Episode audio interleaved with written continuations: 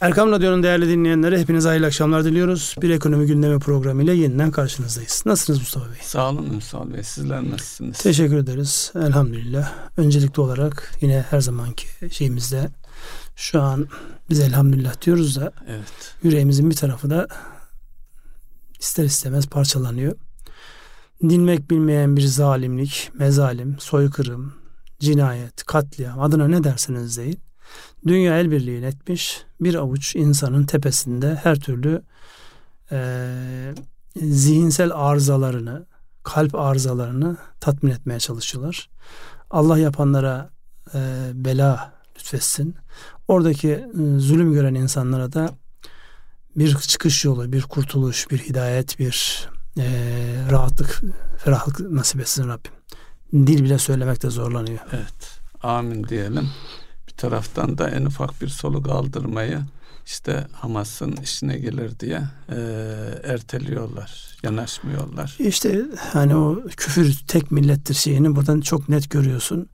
Öbür tarafta da işte İslam aleminin ne kadar zavallı, ne kadar aciz olduğunu, kalabalık olmanın, sayısal anlamda kalabalık olmanın bir anlam ifade etmediğini bir kere daha gösteriyor. Nitelik o yoksa kalabalığın hiçbir anlamı yok.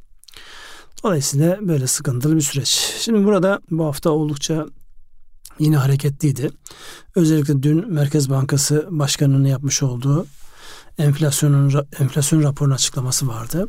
Orada bazı şeyler var. Arkasından da bugün açıklanan enflasyon oranları ve oradaki gelişmeler, piyasalar, piyasaların konuştukları, uluslararası gelişmeler bunların hepsini dilimizin döndüğünce değerlendirmeye çalışalım. Sizin öncelikli olarak şuradan başladığınız bir başlık var mı? E, şöyle enflasyona ilişkin bilgileri paylaşalım. E, ondan sonra e, Merkez Bankası Başkanı'nın sunumunda e, zikrettiği hususlar çerçevesinde yani enflasyon raporu doğrultusunda da gelişmeleri e, değerlendirirseniz e, tüketici fiyat endeksi bu ay 3,43 oldu. E, yıllıkta 61,36'ya tekabül ediyor. Geçen ay 61.53'tü. Yani e, Ekim ayı, geçen Ekim ayı çıktı. Bu Ekim ayı girdi. Dolayısıyla Ekim e, bir yıl önceki Ekim ayıyla enflasyon, e, aylık enflasyon aynı yaklaşık seviyede olduğu için yatayda bir e, görüntü var şunu e, söylemekte yarar var. Enflasyon artmaya devam ettiğini ama hızın azaldığını söyleyebiliriz.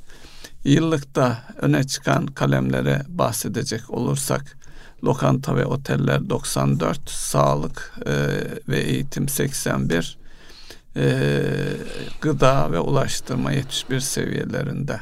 Ee, yine aylığa baktığımız zaman da Ekim ayındaki gelişmelerde yüzde 13,73'te giyim ve ayakkabı en yüksek artışa tekabül ediyor.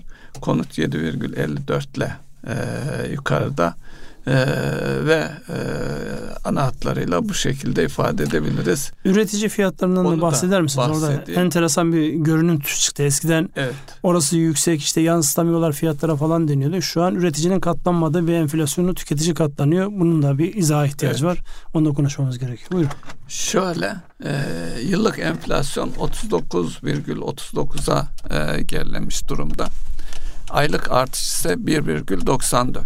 Geçen ayın yıllık ortalaması 47,44'tü. E, Dolayısıyla e, orada bir e, gerileme söz konusu. Tabii bir önceki Ekim ayı aynı şekilde yüksek bir orandaydı.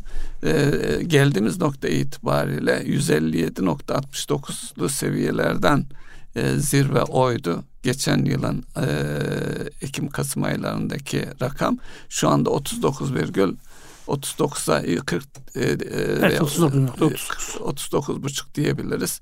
Orada da yıllık artışlara baktığımız zaman e, mesela elektrik ve gazda yüzde kırklık bir azalma söz konusu. Artış kalemlerinde bakıldığı zaman en yüksek artış su temini yüzde 72,72 ile onu izleyen e, dayanıksız tüketim malları, sermaye malları e şeklinde e, 60'lı rakamlara tekabül ediyor. Yine aylık e, rakamı da söylemekte yarar var. Yine elektrik ve gaz aylık olarak 4,38 seviyesinde enerji 2,86 seviyesinde bir azalma söz konusu.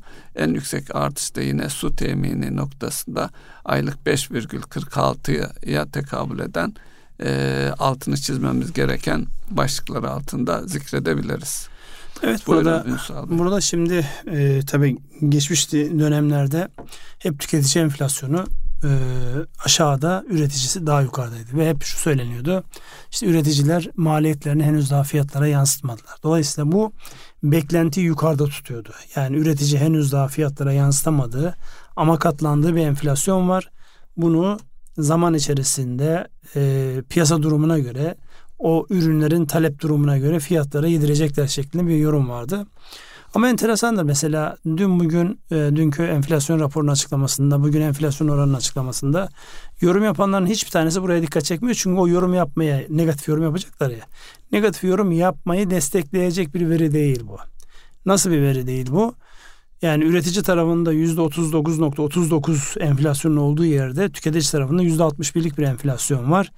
Şimdi enflasyon artmaya devam edecek çünkü üretici taraf henüz yansıtmadı cümlesini kuracak bir argüman yok. Üretici tarafı %39'lar seviyesinde.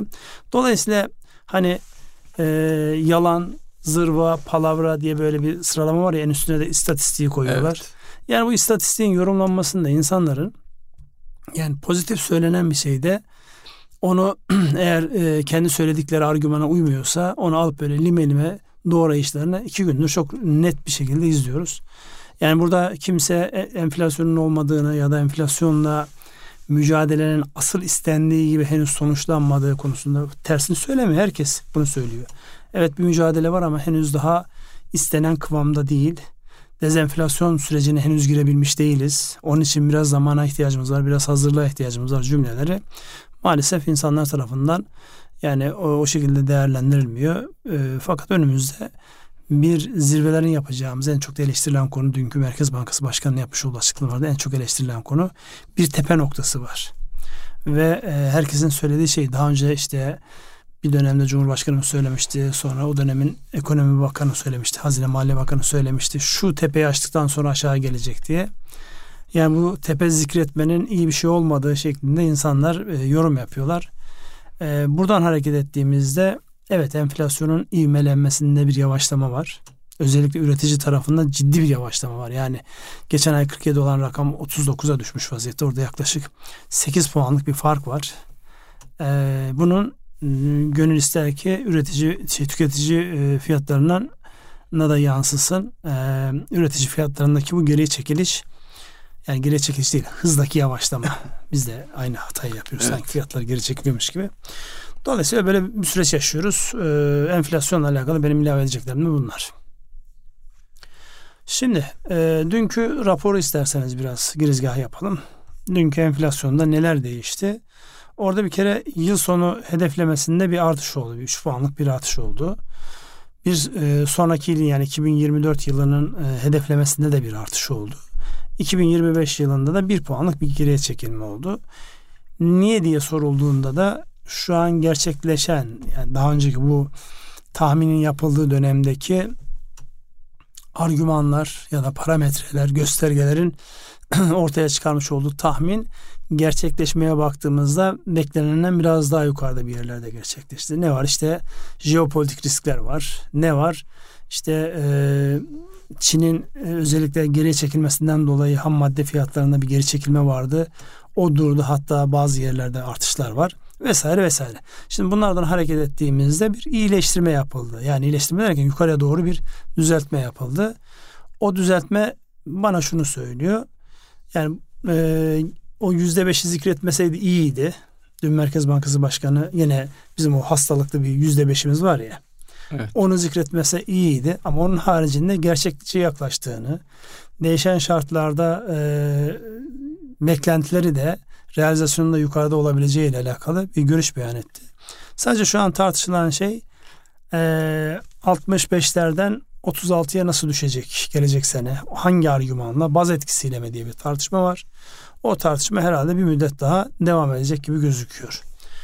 Ee, özetle benim söyleyeceklerim bunlar. Yani özellikle Merkez Bankası Başkanı'nın daha önceki yıllarda zirveler telaffuz edilip sonra o zirvelerin aş, çok rahatlıkla aşıldığı, geri dönülmediğinden hareketle sözlü yönlendirmesinin sözlü yönlendirmeyi yapacak güven telkininin henüz oluşmadığı ile alakalı bir algıdan bahsediliyor. Siz ne gözlemlediniz? Merkez Bankası Başkanı'nın ee, şimdi, yapmış olduğu açıklamalarda. E, zirveler derken önümüzdeki Mayıs ayında e, zirveyi göreceğimiz ondan sonra da dezenflasyon sürecine gireceğimiz söylendi. Tabii e, söylenmediği zaman da e, niye söylenmedi e, gibi Aynen öyle şey, şey var. Keşke şimdi de keşke söylemeseydi. E, enflasyon daha kolay yönetilebilirdi diye bir e, Çocuklarımızın kulağımızı çekerlerdi hatırlar mısın? Eşeğime su verdin mi şeyinden. Tam onu yaşıyoruz şu an. Eşeğime su verdin mi? Verdin desen çekiliyor, vermedin mi sen çekiliyor. Dolayısıyla yani insanlar yorum yapmak için biraz da herhalde bu ekonomi yorumculuğu, spor yorumculuğu gibi konular herkesin yorum yapmak istedi. Günlük yorum yapma zorunda olunca işte herkes her şey her malzeme kullanılıyor açıkçası. Buyurun. Tabii buradaki e, Merkez Bankası Başkanı'nın söylediği önemli şeylerden bir tanesi de jeopolitik riskler. İşte başta Gazze'yi konuştuk. Onun e, yani e, yine bir diğer ifadeyle Dışişleri Bakanımızın da bir sözü vardı. E, bu büyük bir barışın e, kapısını da aralayabilir. Büyük bir savaşın kapısını da aralayabilir diye. Dolayısıyla e, jeopolitik risklerin oldukça yüksek seviyede olduğu bir e, dönemdeyiz. Şu var, her şeyde sunumdan sonra konuştuğumuz, değerlendirdiğimiz vücut dili ne diyor sorusunun cevabına baktığımız zaman da Merkez Bankası Başkanı'nın sunum ve, soruları cevaplamada oldukça güven veren, kendine hakim bir duruşu vardı. Dolayısıyla gelen sorularda da e, bir e, sorular biraz şeydi Ünsal Bey sanki e, bu e, enflasyon raporu daha önce kendilerine ulaşmış olsa daha objektif sorular gelebilirdi. E, insanlar sunum esnasında duyduklarından hareketle birbiriyle çelişen sorular da geldi ama onlar da e, şeyin netleşmesi açısından yararlı oldu diye düşünüyorum. Şimdi tabii siz ne anlatırsanız anlatan karşı tarafın ne algıladığı bu çok önemli. Yani enflasyon raporu önceden paylaşılmış olsa zaten e, basın toplantısına gerek yok. Herkes evet. kendini yorumunu yapar, yayınlar. Yani orada sürpriz olan ne oldu sorusunun cevabı ben açıkçası çok sürpriz bir şey görmedim. Sadece e, yıl sonu ve gelecek yıllara ait enflasyon beklentisiyle alakalı hem piyasanın hem gerçekleşmenin gereği olarak bir yukarıya doğru e, yani iyileştirme diyorum ama aslında kötüleştirme e, kavramını daha kullanmak daha isabetli olur. Yukarıya doğru çekildi. Onun haricinde yani e, şu soruldu. Özellikle kur korumalı mevduat mevzuunda e, ve dövizle alakalı olan kısımlarda Merkez Bankası'nın ve BDDK'nın bankaları daha bir baskılayan bir taraftan sadeleştirme var ama öbür taraftan da Türk lirasına dönüşle alakalı bir e, düzenleme baskısı var. Yani sebebi çok makul. Burada kalkıp da e, yani olağanüstü bir sebep aramaya gerek yok. Şimdi sizin daha önceden hazinenin üzerindeydi. Şimdi Merkez Bankası'nın üzerinde olan kur artışından doğan bir maliyeti Merkez Bankası'nın karşılayacağı bir uygulamanız var. Nedir o? Kur korumalı mevduat. Bir dönemde ilk ortaya çıktığında büyük bir spekülasyonu önlemiş, kurtarıcı olmuştu. Daha sonra bir anlamda özellikle Mehmet Şimşek'in ekonomiyi devraldıktan sonra o konuyu e, bir anlamda çözülmesi gereken bir hastalık, çözülmesi gereken bir problem olarak algılaması ve onu o şekilde uygulamaya koyması kendi iş tutarlılığı var. Yani niye iş tutarlılığı var? E, kurlar arttırsa ciddi bir maliyet gelecek. Dövizi serbest bıraksa. Ser, serbest bırakmasa yabancılar bu fiyatlardan çok girmek istemiyorlar. Çünkü bu fiyatları kendileri açısından riskli buluyorlar. Biraz daha kurun yukarıda olması onlar açısından da. İşte ihracatçılar kuru yukarıda istiyorlar ama %80'i %90'ı ithalat olan bir ihracat yapımız var. Yani ne işine yarayacak sorusunun cevabı orada kimsenin derdine derman olmuyor. Ama hepsinin önemlisi yıl sonu yaklaştı. Özellikle e, oluşan enflasyon mu, beklenen enflasyon mu hangisinin ücretlere yansıyacağı çok net bir şekilde ortaya konulacak. Bu arada e, bu ay sonu yayınlanan enflasyon rakamı biliyorsunuz yeniden değerleme oranı ve bütün evet, cezaları, e, vergileri her şeyi etkileyecek. %54,5. Dolayısıyla orada ciddi bir e, yük geliyor hepimiz Ama üzerine. Cumhurbaşkanının düzeltme yetkisi var. Yani Sanırım kullanacak. Burada çok böyle kullanıyor. Yukarı doğru Geçen yıl kullanıyor. kullandı aşağı doğru kullanacak. Aşağı doğru kullandı yalnız şöyle bir şey var. Yani biz katlandığımız maliyetlerde hiç böyle bir hafifleme Yani falan evet. olmadı yani. Bir taraftan e, şey yapıyor ama işletme sahibiyseniz e, Çünkü otoyol ve köprülere yapılan şeyi yılbaşına kadar erteledi biliyoruz. Orada da yüzde yetmişlik gibi 70 bir artış vardı evet. yani. Dolayısıyla bir de şu hesap var. Yani enflasyonun gelecek e, yıl Mayıs ayında zirve yapmasıyla alakalı olarak e, köprü otoyol ücretleri var. E, Yüzde yetmişlik bir şey.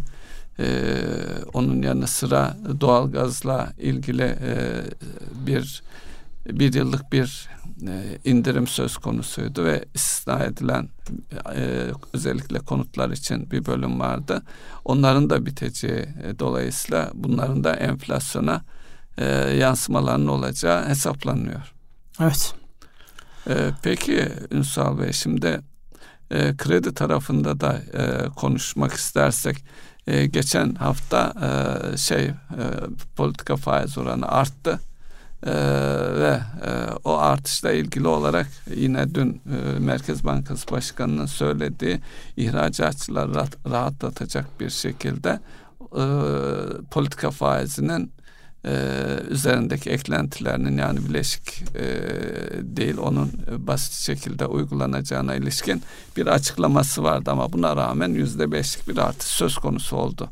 Dolayısıyla nereden baksanız e, bu ihracatçılarımız için bir maliyet ki ihracata ilişkinde dış ticaret istatistikleri verildi. Onlardan bahsedeyim isterseniz onunla birlikte değerlendirmekte yararı var.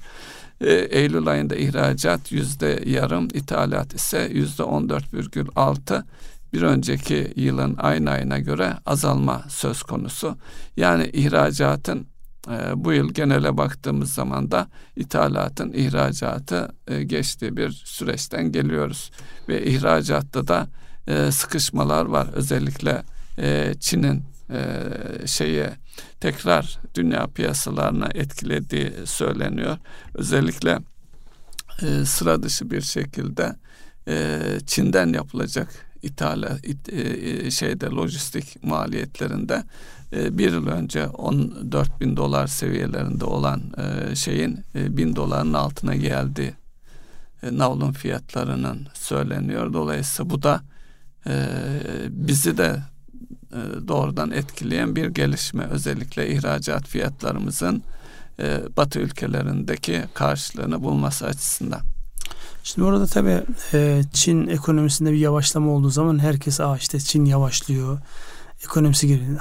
Yani bu öyle yorumlanacak bir mevzu değil. Dünyanın bir anlamda üretim üssü olan yani bütün emtianın fiyatını belirleme e, ya da etkileme konusunda çok ciddi bir güce sahip olan bir ülkenin ekonomisindeki yavaşlama bütün bizim gibi üretim yapan bütün ülkelerin canını yakacak bir hadisedir. Yani burada özellikle bir de hala komünizmle yönetilen bir ülkeden bahsediyoruz. Yani bütün hal ve hareketleri kapitalistçe olsa dahi hala tek merkezden yönetilen bir ülkeden bahsediyorsunuz. Dolayısıyla orada alınan kararların uygulanması e, bizim gibi ülkelerde biraz zaman alıyor. İnsanlar boşluklarını yakalamaya çalışıyorlar vesaire vesaire. Orada bir devlet politikası olarak yaklaşıldığı için şu an yıkıcı rekabetin en e, tepe noktasındayız. Yani Çin'in şu an dünyaya yansımalar açısından baktığımızda dolayısıyla e, canımızı daha çok yakacak gibi gözüküyor. Yani bu anlamda özellikle navlun fiyatlarının onlar açısından yani bizim açımızdan değil oradan gelenler açısından ciddi bir ucuzlama var. Ama biz Avrupa'ya gittiğimizde başımızın belası bir mevzu var biliyorsunuz. Tır şoförlerine 15 günden fazla Evet. vize vermiyorlar. Her defasında 300 eurolar. Dolayısıyla zaten bir tırın e, navlun anlamında getirisi belli. Yani e, bizim hem taşımacılığımızı vuran hem üretimimizi vuran enteresan bir döneme girdik. Bu anlamda yani mücadele e, aslında her noktada var yani siyaseten, ekonomik olarak, kültürel olarak işte e, hatırlarsanız e, Filistin mitinginde Cumhurbaşkanı Haçlı Seferi mi istiyorsunuz, Haçlı Seferi mi istiyorsunuz diye bir soru sormuştu. Yani o öylesine sorulmuş bir soru Evet. değil. Şu an dünyanın dört bir tarafı kendi e, karlılığını ya da verimini maksimize etmek için her türlü manevrayı çeviriyor. Çin de şu an bizim üretim tarafımızın en büyük tehdidi. Evet. Şimdi e, son gelişmeler ışığında özellikle firmaların, COBİ'lerin diyelim e, krediye ulaşmasında e, ve kredi maliyetiyle bağlantılı olarak düşünürsek nasıl hareket edecekler? Şimdi bir taraftan da enflasyon rakamları açıklandı. Bir KOBİ e, kredi kullanacaksa hangi enflasyona bakacak? Tüketici enflasyonu yüzde 61. Buna göre mi bakıp karar verecek? Yoksa üretici enflasyonu yüzde 39. Buna göre mi maliyet hesaplayıp karar verecek? E, ne dersiniz? Şimdi zor bir soru. Yani burada herkesin kendi pozisyonuna göre bir şekilde karar verecek de. Şimdi e, şu bir gerçek. Sizin e, piyasanızı kaybetmek istemiyorsanız eğer bir piyasa tutuyorsanız bazı dönemlerde zarar yazabilirsiniz. Yani eğer o piyasa sizin için önemliyse. Ama ila nihai piyasayı elinizde tutmak size ciddi bedeller ödetecekse ayakta kalmak adına o bedeller sizin e, varlığınızı çok ciddi tehdit edecekse siz oradan geri çekilmek zorunda kalabilirsiniz. Dolayısıyla burada rekabet e, konusunda özellikle firmaların rekabet analizlerini çok iyi yapıyor ve bunu çok diri tutuyor olması beklenir. Yani rekabet deyince sadece doğrudan rakipler değil. Doğrudan rakip o görünen e, rekabet ettiğiniz yer. Rekabet analizinin içerisinde en önemli unsurlardan bir tanesi tedarikçileriniz. Tedarikçilerinizdeki değişim ne tarafa doğru evriliyor? Yani sizin e, mal aldığınız yer tek bir yerse ya da birbirinin alternatif iki yer var ama üçüncüsü yoksa e, tedarikçi anlamında çok ciddi sıkıntıya girebilme ihtimali var. Ki birçok üründe de aslında bu var yani bizim de şu an danışmanlık yaptığımız birçok firmada onu görüyoruz. Yani nedir işte özellikle olan bir tane e, demir çelik yassı ürünü Türkiye'de bir tane üreticisi var ama asıl tüketicilerin talep etmiş olduğu şey Kore'den geliyor. Ne kadar zamanda? 4 ayda. Şimdi 4 ay içerisinde siz eğer yani e, manevra kabiliyetiniz bu anlamda tamamen dışarıya endeks, üçüncü şahıslar endeks. Dolayısıyla o tedarikçiyle aranızdaki ilişki ama ödemelerden ama başka gerekçelerle ama sizin plansızlığınızdan dolayı bir aksadığı zaman elinizdeki bütün işleri kaybetme riski var. Onun için yani rekabet analizinde tedarikçiler olan ilişkinin gözden geçirilmesi, söylemiş olduğunuz anlamdaki o maliyetlerin de bütün içerisinde değerlendirilmesi gerek. Yani sadece maliyetin aşağı gelmesi ya da yukarı gitmesi değil. Tedarikçinin finansal gücü, piyasaya bakış biçimi, gelecekle alakalı stratejisi, kendi rakiplerine karşı takındığı tavır bunlar hep önemli. Dolayısıyla yani burada e, hazır siz işletmelere doğru bir pas atarken yani rekabetin o meşhur beşlisinden bahsetmekte fayda var. Bir diğer hangisi? Müşteriler. Müşterilerde de çok hızlı değişmeler oluyor. Müşterilerin talepleri değişiyor. Daha önceden ben mesela e, yine e, bir firmamızda şunu gördüm. Daha önceden bizden alan bir İspanyol firması bizden almak yerine doğrudan Çin'den alır hale geldi. Yani şöyle bir şans vermiyor size. Ya e, bir göster, bir dene, bir bak. Yani bende bak daha ucuz fiyatlar var. Kalite bu arada yine göz, gözden çıkmış vaziyette. Çünkü sürdürülebilirlik noktasında e, firmalar ilk feda edecekleri şey biraz kaliteyle alakalı. Halbuki sürdürülebilirliğin özünde ne var? Kalite var. Yani o, o devamlılığı sağlayabilmek var. Mesela onları da gördük. Burada daha önceden e, Türkiye'den firmanın satmış olduğu İspanyol firmaya firma hiç böyle yani sizin fiyatlarınız yüksek falan demeden direkt alımı kesti. Doğrudan Çin'den daha düşük kaliteli ama fiyatlaması daha kendince makul olan ürünlere yöneliyor. Şimdi buradan baktığınızda yani buna adaptasyon süresi de çok e, zor. Çok hızlı dönüyor çünkü. Yani uzun süreli bir bağlantı yapmadıysanız müşteriniz kestiği zaman az önceki tedarikçinin söylediğimizin tam tersi. Yani e, burada müşteri sizden almayı kesiyor. Bunu da rekabet şartları içerisinde bu müşterinin sizden başka kime gideceği yani eskiden yani aynı mahallede oturduğumuz aynı e, organize sanayi bölgesindeki firmalar rakibimizdi. Şimdi hiç tanımadığımız, adını sanını bilmediğimiz ülkelerdeki rakiplerle uğraşmak zorunda kalıyoruz. Bir taraftan da dünya ticareti hızlı biçimde sanal ortama taşınıyor.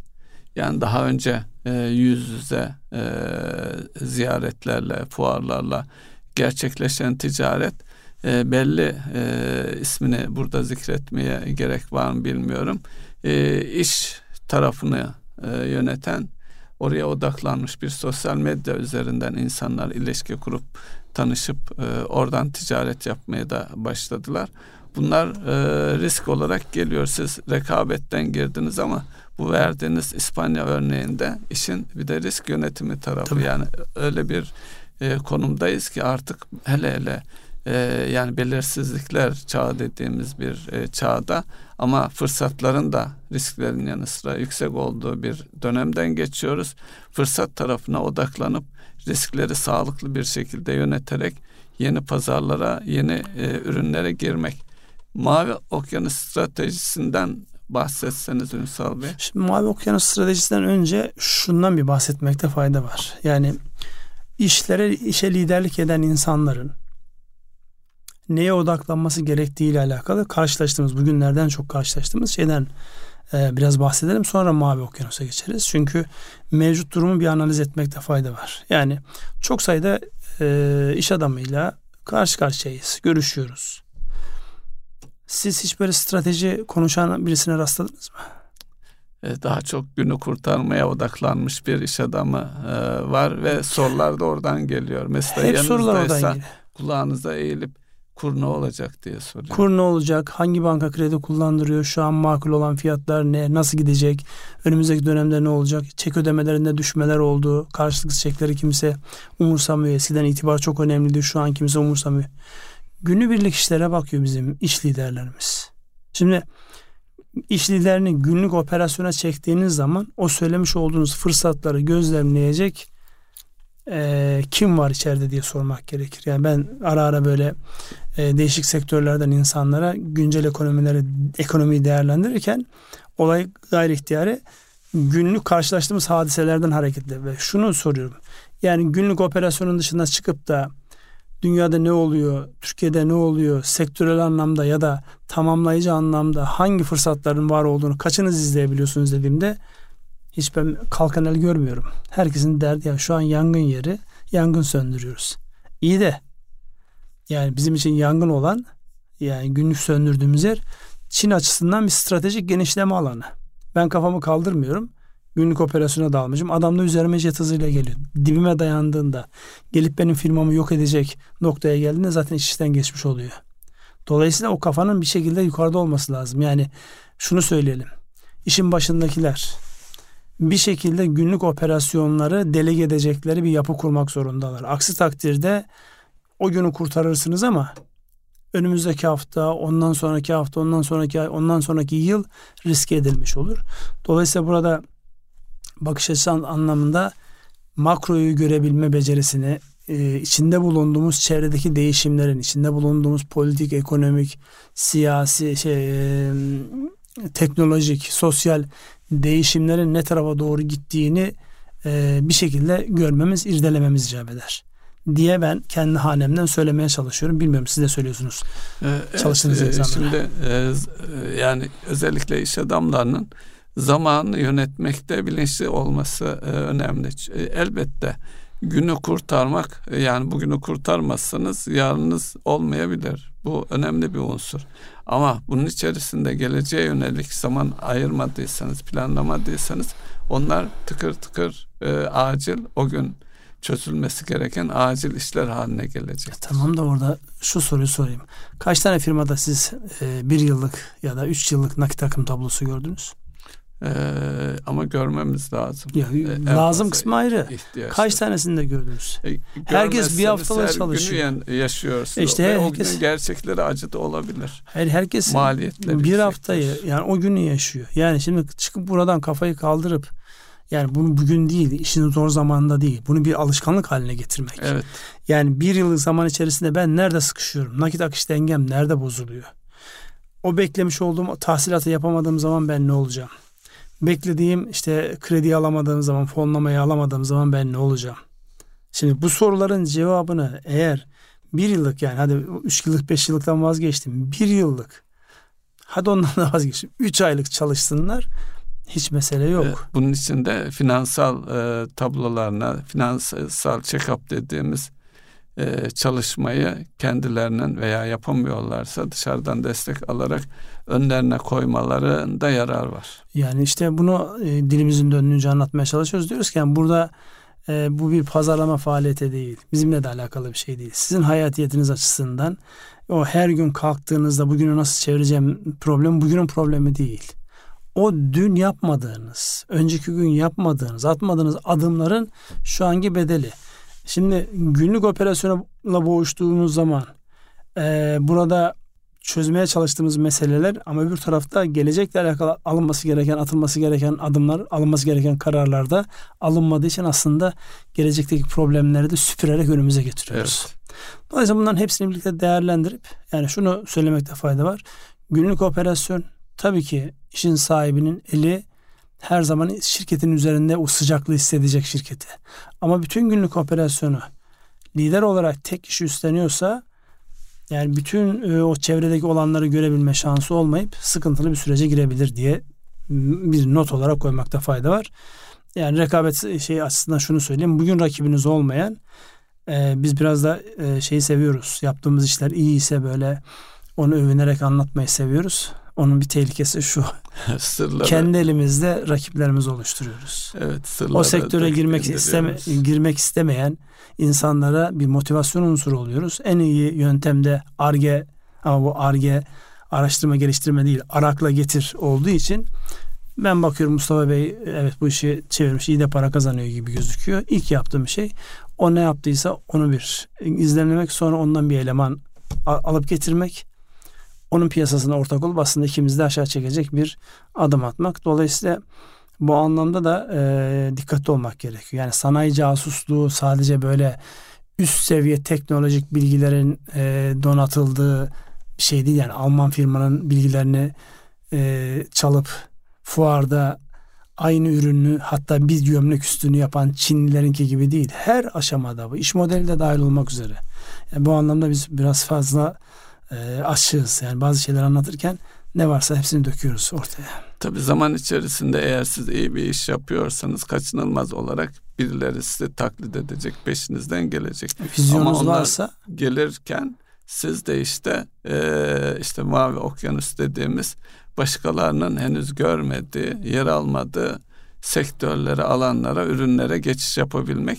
Bunun için de günlük e, yoğunluktan sıyrılıp geleceğe ilişkinde adımlar atabilmek, planlar yapabilmek. Orada da işte iş modeli mantığı üzerinden gitmekte fayda var. Yani bir sistematiğe ihtiyaç var. Yani iş modelinden kast şu. Eskiden işte ürün diyorduk. Şimdi artık o ürün olmaktan çıktı. Önerilen değere döndü. Marka da bunun içerisinde. O farklılaştırma da bunun içerisinde. Ve kime sorusu.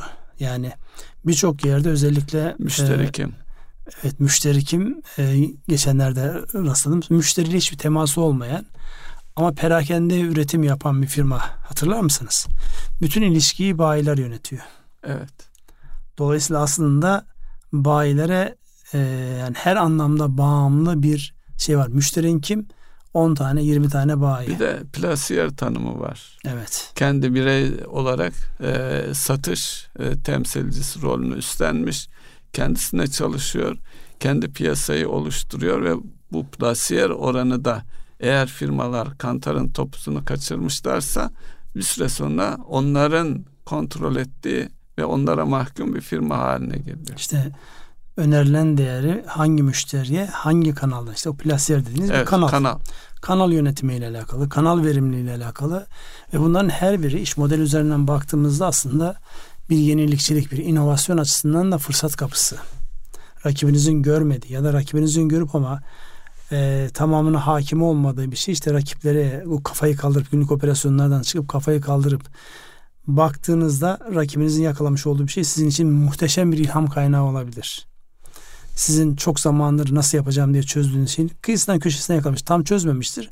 Ama o sizde inanılmaz bir ilham kaynağı olarak bir e, ne derler çoklama şansı verir. Yani çoklama dediğim yani mesela e, stratejistlerin önemli bir kısmı e, hayvan belgeselleri seyrederler. Yani biz de hatırlarsan eğitimlerde bunu yapıyoruz mesela. Kurtların avlanma biçimi mesela. Evet. Karşıdan baktığında bir kurt görünüyor. Şöyle geniş açıdan baktığında arkada 30 tane kurt var.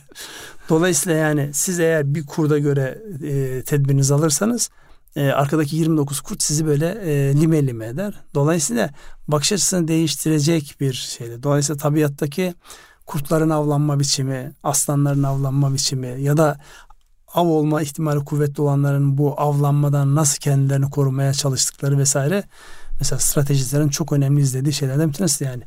Ee, ister bilimsel çalışın ister şey yapın yani insansız hava aracı yapın isterse işte şirket yönetin. Tabiatta yaradan öyle bir yaratmış ki ipuçlarını yaymış etrafa. Evet. İşte yeryüzündeki ayetleri görebilmek onlarla e, bir şekilde yakalayıp onlara göre e, yormak gerekiyor ama dediğim gibi günlük operasyonlara kafayı gömmüş liderin öyle bir şansı yok. Bir müddet sonra o liderin lider olması da tartışılır hale gelir. Çünkü liderin temel özelliği nedir? Çevredeki değişen şartlara en hızlı şekilde uyumlanabilen, gören, uyumlanan kişi demek aynı zamanda. Bunun için de zaman ayırması gerekiyor. Ee, şimdi e, üzerinde konuşmamız uygun olacağı e, konuların başında da artık e, borsa geliyor. Borsada neler oldu, neler oluyor, önümüzdeki süreçte bizi ne bekliyor? E, özellikle Türk liranın e, bu e, şeyle birlikte faiz Merkez Bankası'nın faiz artışıyla birlikte TL'nin değerli hale gelmesi işte mevduatların ister katılım bankası ister diğer bankalarda olsun getirisinin de artmaya başladığı bir süreçte e, borsaya rakip olur mu veya ne derece olur o açıdan da bakabilir misiniz? Şimdi bir kere borsayı şöyle değerlendirmek lazım. Tepe noktası 8400'ler. Oradan e, 7600'lere geldi. Yani ciddi bir çekilme geri oldu. çekilme oldu. Bu ciddi geri çekilme e, baktığınızda noktasal anlamda bir değer var. Bir de onun haricinde e, işlem yapanlar firma bazlı daha büyüktür bu şeyler geri çekilmeler. Bir de işlem yapan insanların 8,5 milyon yatırımcıdan bahsediyoruz. Bunların herhalde %95'i e, hayatlarında ilk defa e, hisse senedi alıp satıyorlar ya da ilk defa bu tip geri çekilmeleri görüyorlar. Dolayısıyla bu geri çekilmelerde e, ani hareketlerde panikleyip e, ellerindeki paraları yitirme riskinin olduğu bir dönemdeyiz. Kaynağa ulaşma noktasında borsa hala çok cazibe cazip noktada. Sadece burada SPK e, biraz e, frene basmış gibi görünüyor. Normalde baktığınızda haftada maksimum 3 olması gereken şey artık neredeyse her hafta bir tane firmaya onay verilir hale geldi. Geçen hafta malum bir gıda firması büyük bir halka arz yapmıştı. Bu hafta da görebildiğim kadarıyla eğer gözümden kaçmadıysa bir madencilik firması var şu an. İki unsuru vardı ayrı ayrı. İki Do- firmada diyebiliriz. Yani iki firma bir tane şey halka arz neyse.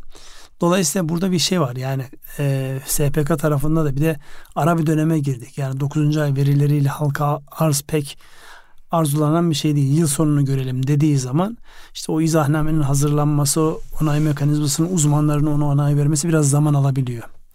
Ya dolayısıyla bu dönem e, aslında e, küçük yatırımcılar açısından, yeni yatırımcılar açısından cazip bir ortam.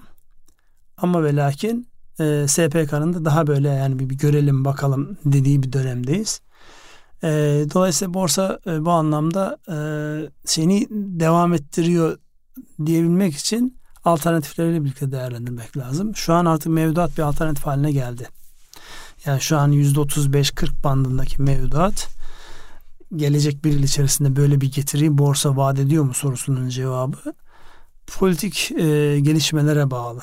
Ekonomik anlamda yabancıların borsaya girmesine bağlı. Ya tek şart o değil ama yabancıların gelebilmesi için de politik anlamda yani en azından Türkiye'nin şu yerel seçimlerle alakalı ya da çevreyle olan ilişkileriyle alakalı bir e, netleşmeye ihtiyacı var. Şimdi yani gayri ihtiyari burası bizim gönül coğrafyamız. Gönül coğrafyamızda olan şeylerle alakalı duruşumuz sert oluyor. Sert olunca da bütün ayaklara basmış oluyorsunuz. Yani hiçbir ekonomi kuruluşun bulunduğu ülkenin siyasetinden bağımsız hareket ettiğiniz şahit oldunuz mu? Yok. Yani reyting kuruluşundan bankasına, yatırım bankasından araştırma raporu yapana kadar herkes ister istemez içinde bulunduğu coğrafyanın politik bakış açısıyla bakıyor hadiseye. Aksi takdirde anlamsız durur yani çünkü karar vericiler aslında e, o raporlardan ya da çalışmalardan görmek istediklerini gördükleri zaman karar veriyorlar. Yoksa aa işte hiç düşünmediğim bir şey düşünmüşüz dur şununla alakalı karar verelim diyene ben hiç rastlamadım. Strateji çalışmalarında da biliyorsun öyle bir şey var. İlk sponsora ne soruyoruz biz? Beklentin ne çıktı evet. ne olsun? Çünkü onu almazsanız bu sefer ne üretirseniz üretin e, müşterinin ya da sponsorun mutsuz olmak gibi bir ya da sizin ürettiğinizin değersizleştirilmesi gibi bir risk var orada. Onun için soruyor diyor. Yani ne olmasını istiyorsun? Türkiye'yi nasıl değerlendireyim diyor. Türkiye şimdilik ötele diyor. İkinci plana et. Göz önünde bulundurma. Bak dikleniyor şu şeyleri evet. bir bir haddini bildirelim ona falan dediği andan itibaren ne yatırım bankacısı ne onun raportörü evet. hiçbir tanesi lehe bakmaz. Dolayısıyla burada gerçekçi davranmak Peki, icap Böyle dönemlerde özellikle e, Körfez ve dost ülke diyebileceğimiz e, kaynaklardan e, bize neler gelir artar mı? E, ne olur? Seni tanımasam mahsus mu soruyorsun diyeceğim. Mahsus soruyorum. Şimdi yani burada körfez dediğimiz şey ne kadar bağımsız e, batıdan. İçeride söylediğiniz bir şey vardı. Oradaki finansal kuruluşları kim yönetiyor? Evet finansal kuruluşları kim yönetiyor? Paraları kendilerinde mi yoksa e, bir yerlere park etmiş vaziyette duruyor mu? Yani canlar istedikleri zaman hareket ettirebiliyorlar mı sorusunu orada cevabına bakmak gerekir. Yani evet ilişkileri en azından belli bir seviyede tutabiliyoruz. Yani bir dönemde bayağı gerildiğimiz o gönül coğrafyası dediğimiz yani geçmişte bir şekilde iyi ilişkilerimizin olduğu ülkelerle tekrar iyi ilişkiler kurma şeyimiz vardı. Ee, hala var, devam ediyor. Evet. Ama bunun ekonomik yansımaları kısa sürede olmaz. Zaten Hazine Maliye Bakanı geçen hafta söylemiş olduğu bir söz üzerine biliyorsunuz o gün aynı günde Cumhurbaşkanımız bir açıklama yapmıştı. Evet. Borsa bayağı bir ciddi bedel ödedi. Şu an altın ciddi bir alternatif olma yolunda. Niye böyle zamanlar politik risklerin olduğu zamanlar e, altına bir ilgi artıyor. Orada da altıncılar e, açısından şöyle bir şey var. Yani altına yatırım yapmayı tavsiye edenler ya bu 2000 dolarlar e, düşük kalıyor işte bizim 3000 dolarlara 4000 dolarlara konuşmamız gerekir gibi böyle herkes kendi malına gel gel yapıyor. Bir ay önce 1820 dolardı. Evet. Yani şu an 2000 dolar seviyesinde yani 2000 dolara yakın bir, bir seyir var. Ee, ama dediğim gibi yani bu bile insanları tatmin etmiyor. Niye?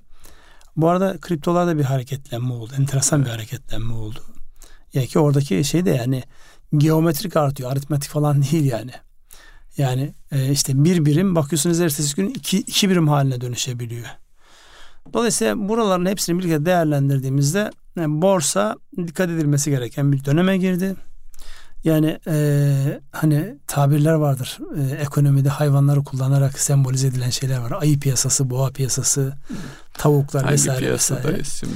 Yani şu an e, şeye baktığınızda bazı hisseler hisse bazında baktığınızda artık onlar m, ayı piyasasına düşmüş. Yani düşüş trendine girmiş vaziyetler. Günlük hareketlerinden baktığınızda e, hareketli ortalamalara baktığınızda e, bazıları hala şey, yani seçici olması gereken bir dönemde. İyi bilançoların kötü fiyatlandığı bir dönem yaşadık. Harika bilançoların inanılmaz kötü fiyatlandığı bir dönem yaşadık. Bilançolar iyi geldi bu dönemde evet. hepsi. Konjonktür olarak baktığımızda yani iyi bilanço açıklayıp da ertesi gün hissesi çakılmayan şey görmedim. Yalnız e, bu arada şunu da altını çizmek lazım. Gelen iyi plan, e, bilançolarla ilgili enflasyon muhasebesi yok noktasında da ciddi eleştiriler var. Hatta bu yıl geçecek miyiz? E, yani şu anda bir e, mevzuatta veya kararda değişiklik olmazsa yıl sonu itibariyle eee ya, enflasyon muhasebesine Orada geçti. enflasyon muhasebesi Hatta konusunda bankalar ayrımı tutulsun gibi de tartışmalar var. Enflasyon muhasebesini uygulanmayacağını Siz ben adım kadar adım kadar e, eminim yani o konuda çok daha yüksek enflasyonlar peş çok peşe konuşuluyor ama. yaşadığımız yıllar oldu. Ya çok konuşuluyor çünkü yani baktığınızda e, özellikle işletme sahipleri açısından baktığınızda kazandıkları vergiye gidiyor. Enflasyon muhasebesinin olma için en büyük şey kazandığınızda ciddi bir vergi ödüyorsunuz.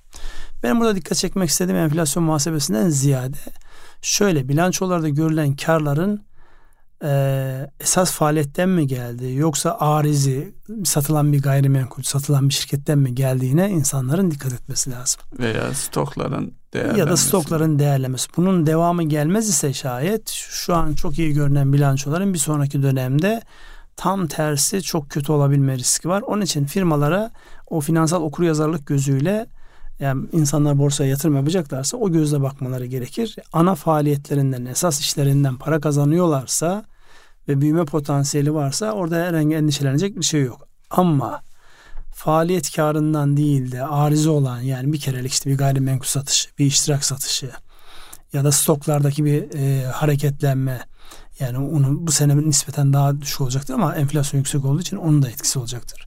Dolayısıyla bir ortamda yani bilançoların gerçekten ne kadar iyi olup olmadığına da finansal okur yazar gözüyle farklı bakmak gerekir diye not düşelim buraya. Petrole baktığımızda petrol enteresan şekilde 90 doların altına indi. Orada şimdilik bekliyor. Ve e, dün bir tane şey vardı. Yabancı bir e, uzmanın açıklaması vardı. Ambargo uygulandı. Rusya'nın petrol satmaması noktasında ama e, savaş çıkan bölgelerde petrol çıkmadığı için Rusya üretimine tam gaz devam ediyor. Yani ambar, ambargo falan otomatik olarak deliniyor. Onun için az önce o rekabet ve toplam stratejide söylemiş olduğumuz bir şeyi tekrarlayalım.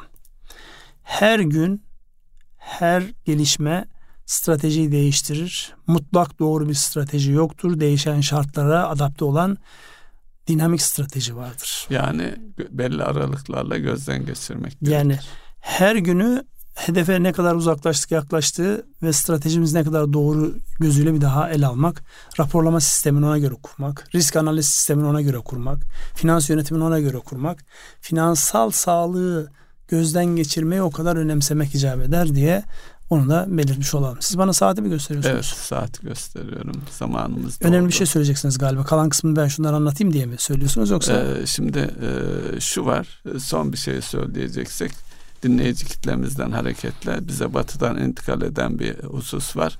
Ee, işte Kasım ayında bir cuma var. İşte e, Türkiye'de uygulamasında şahane cuma falan diye tabir ediliyor.